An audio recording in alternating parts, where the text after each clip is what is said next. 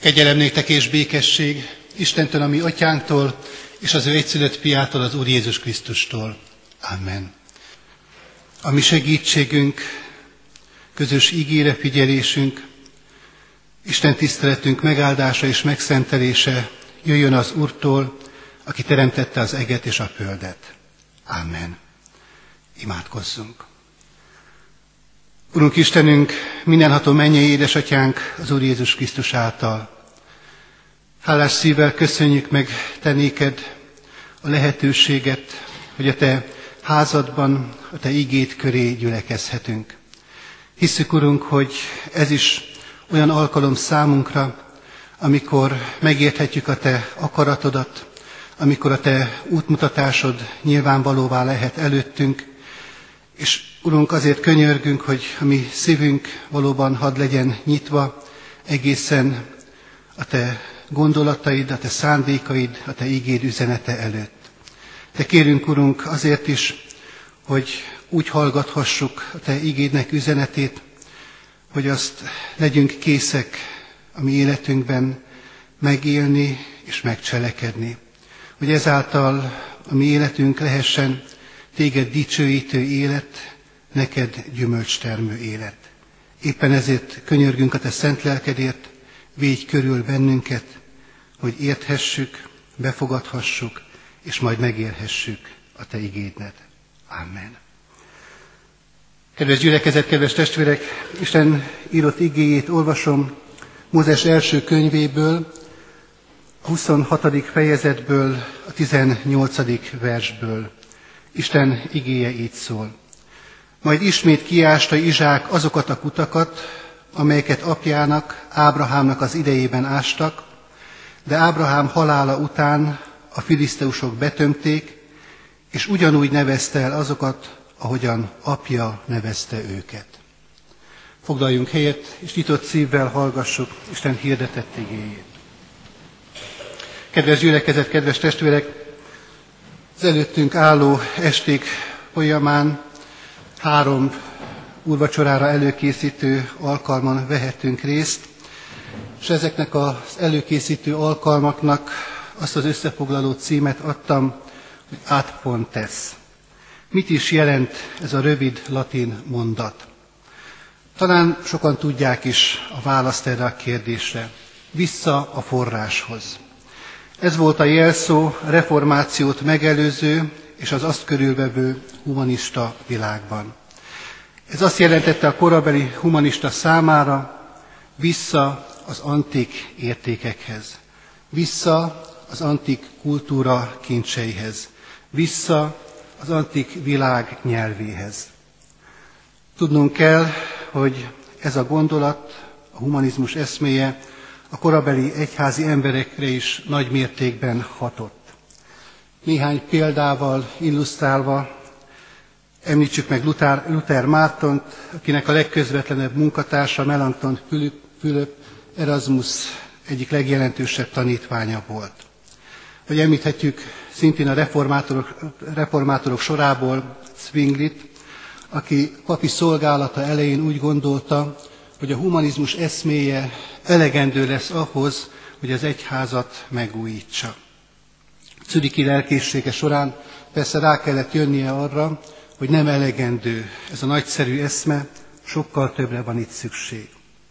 És hogyha a harmadik nagy reformátort, Kálvin Jánost említjük, akkor nála is azt láthatjuk, hogy az első nyomtatásban megjelent művét egy ókori latin klasszikus művéhez írt kommentárjában szemlélhetjük. Persze reformátorok ugyanakkor nem elégedtek meg az antik kultúra értékeinek felfedezésével, hanem megjelent egy új síkja ennek a gondolatnak, mely a keresztény egyház megújulását eredményezte. Ilyen módon az Ad Pontes új értelmet nyert a humanista eszmék világában élő reformátorok életében.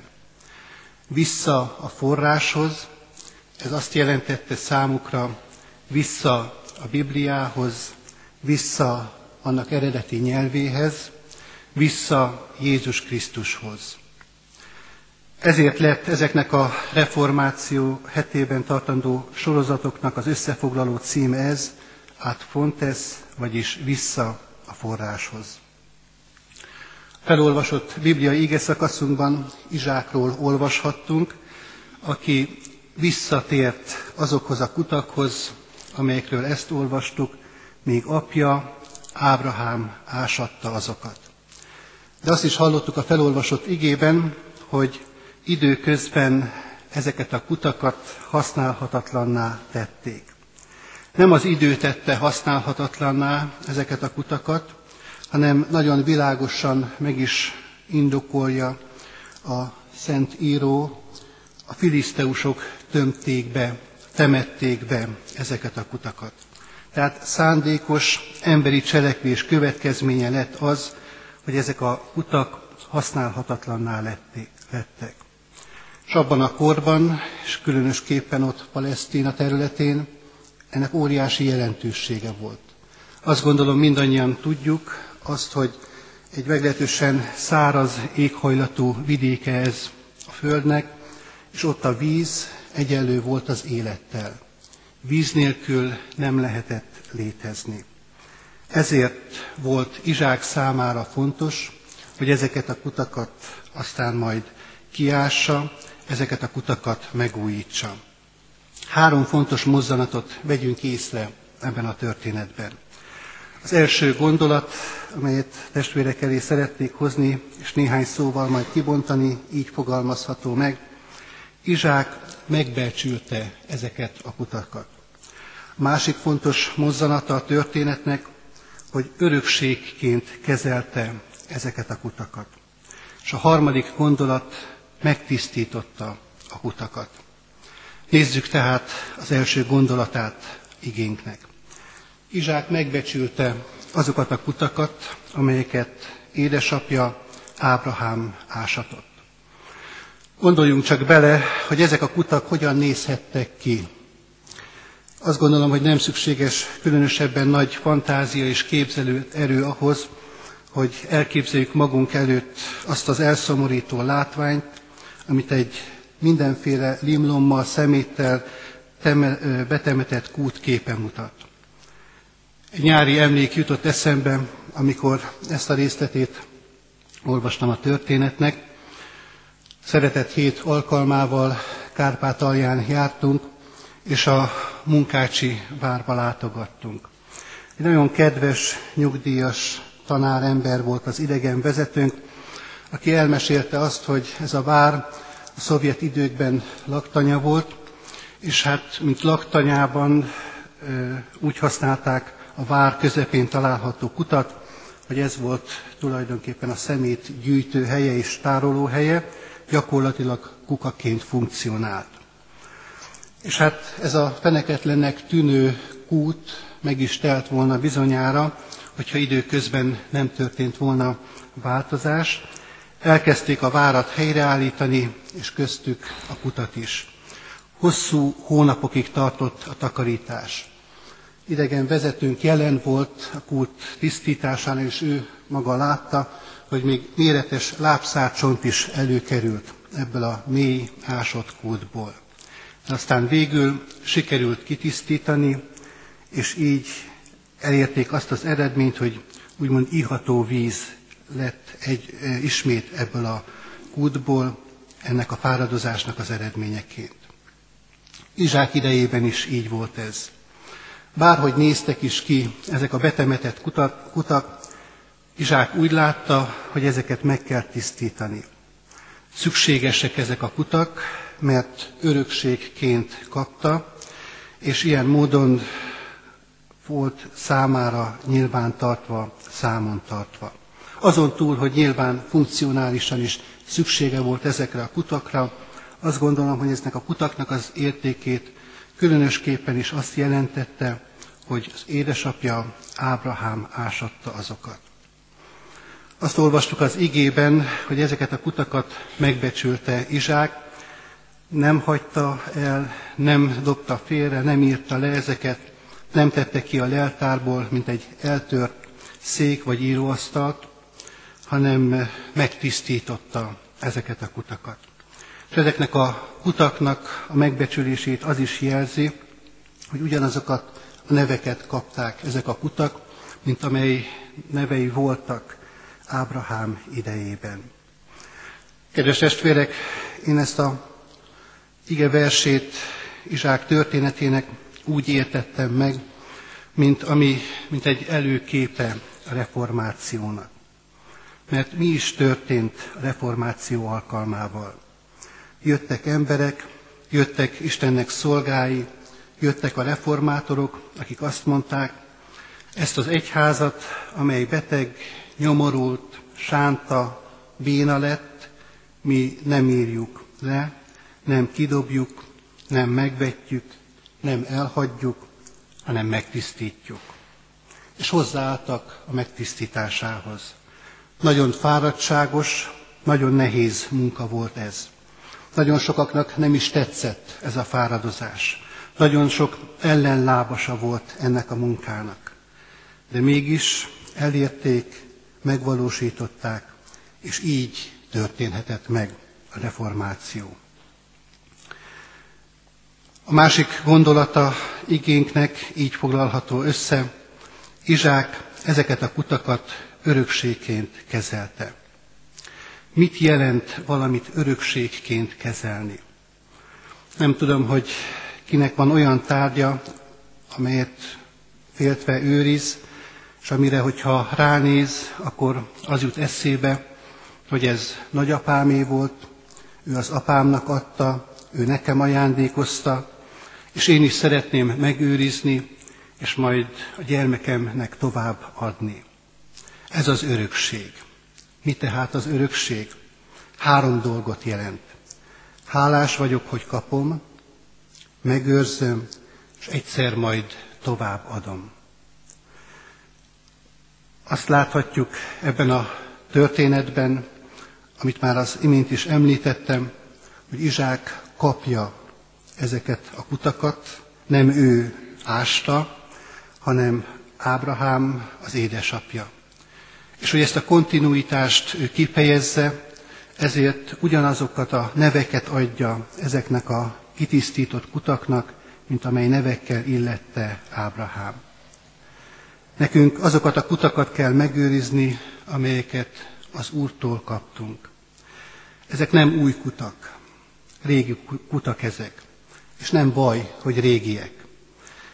Ezt azért kell kiemelni, nehogy valaki azt gondolja, hogy a reformáció valami új, így is mondhatnám, valami új vallás kezdete és új vallás keletkezett ekkor. A mi kutyaink nem 1517-ből valók, hanem sokkal korábbiak, sokkal régebbiek. Diákok körében, amikor megkérdezem, hogy mit jelent maga a szó, hogy reformáció, és így reformációhoz közeledve ez mindig megtörténik, akkor nagyon gyakran, sőt az esetek többségében ezt a választ kapom erre a kérdésre, hogy újítás, az egyház megújítása. Fontos tehát hangsúlyoznunk igénk alapján azt, hogy a reformátorok nem valami újat alkottak, hanem a régi örökséget tisztították meg. A reformáció nem új kutakat hozott, hanem a régi kutakat tisztította meg. Azt, ami egyszer tiszta volt, azok lehettek ismét tisztává, hogy az életnek vize áradjon ezekből.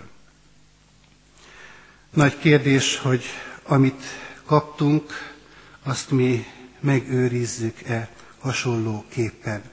Hiszen Izsák példája éppen ezt tanítja számunkra, hogy szükséges reformáció népeként ezzel a felelősséggel élni ebben a világban.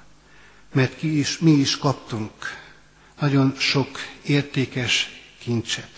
Igaz, hogy a reformáció korához hasonlóan ezek a kutak is időnként betömödni látszanak, de mégis lehetőség ott van számunkra, hogy újra tiszta forrásá legyenek a mi életünkben.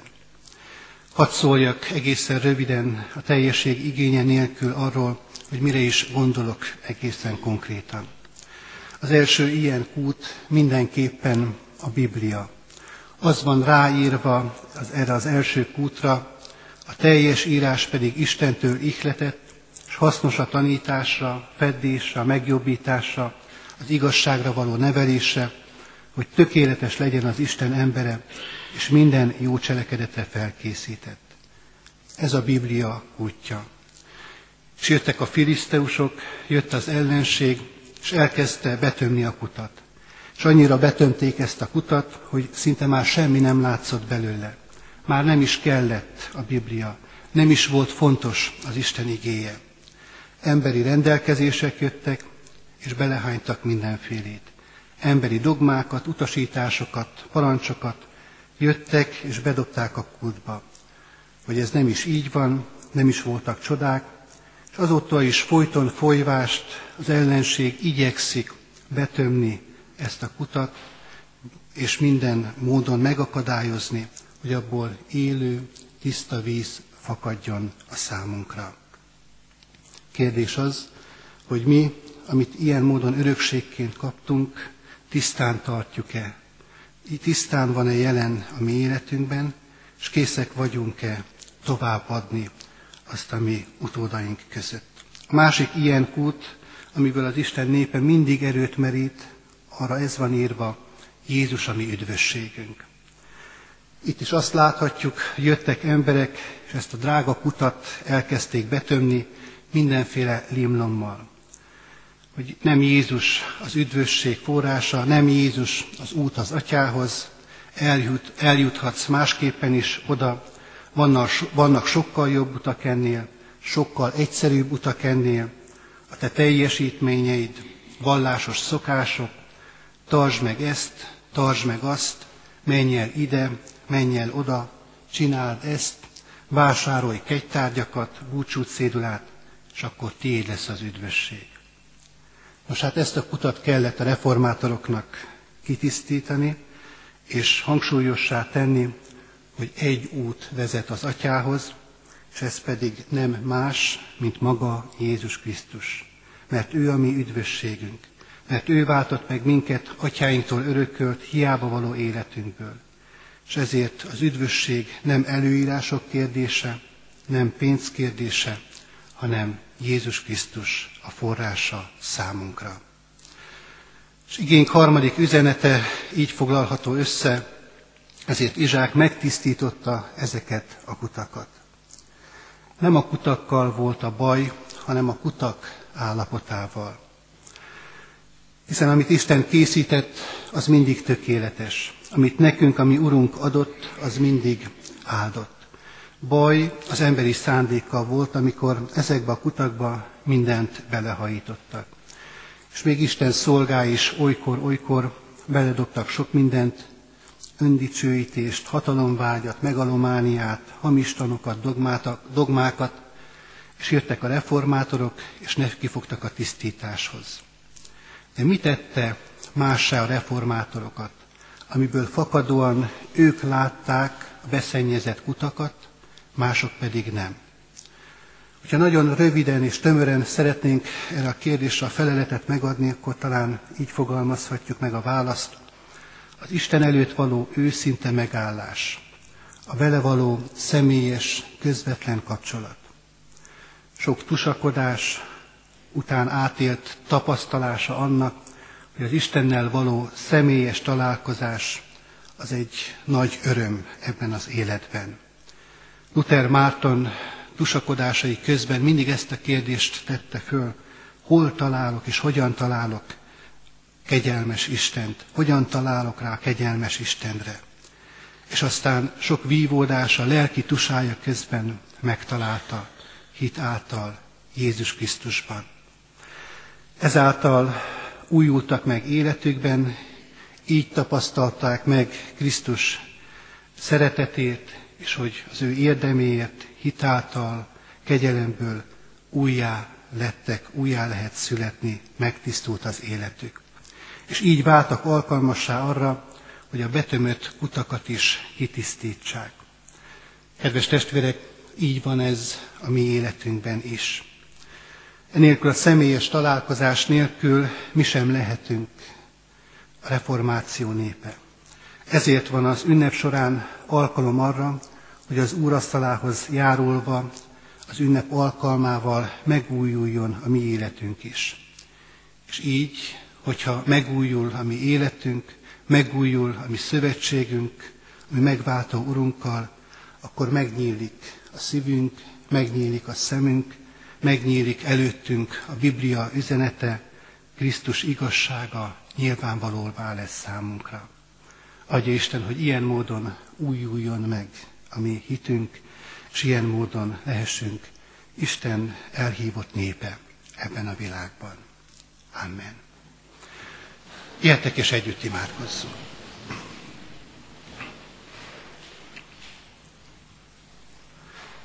Urunk Istenünk, hálás szívvel köszönjük meg Te néked a Te igédből nyert üzenetet.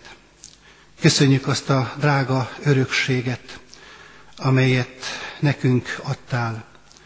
Köszönjük, Urunk, reformáció fölfedezését, azt a fölfedezést, hogy meglátták a betemetett kutat, de nem fordultak el annak minden méltatlansága ellenére sem attól, hanem elkezdték azt keresni, kutatni, tisztogatni, és a te kegyelmedből megtörténhetett a csoda, hogy újból élő víz folyamai lehettek abban. Kérünk, Urunk, hogy a mi életünket is áld meg hasonlóképpen.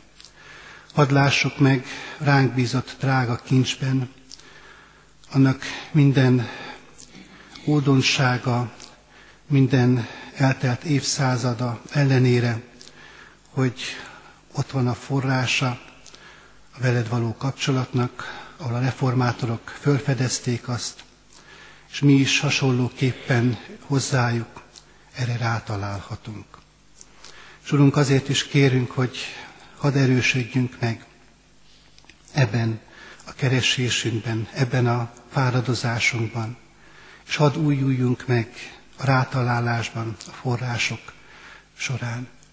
És hadd tudjuk, Urunk, úgy ezeket a forrásokat az életünkben számon tartani, hogy megmaradjanak kincsként, és átadassanak majd az utánunk következők számára. Kérjük, Urunk, ehhez a Te lelkednek munkáját, jelenlétét életünkben, gyülekezetünk közösségében, szeretteink életében. Amen. Együtt közösen mondjuk el az Úrtól tanult imádságot. Mi, atyánk, aki a mennyekben vagy, szenteltessék meg a te neved, jöjjön el a te országod, legyen meg a te akaratod, amint a mennyben, úgy a földön is.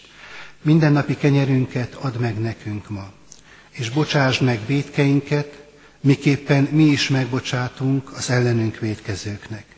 És ne vigy minket kísértésbe, de szabadíts meg a gonosztól, mert Tiéd az ország, a hatalom és a dicsőség mind örökké. Amen. Isten áldását vegyük alázatos szívvel. Az Istennek békessége, amely minden értelmet felülhalad, őrizze meg szíveteket, gondolataitokat az Úr Jézus Krisztusban. Amen.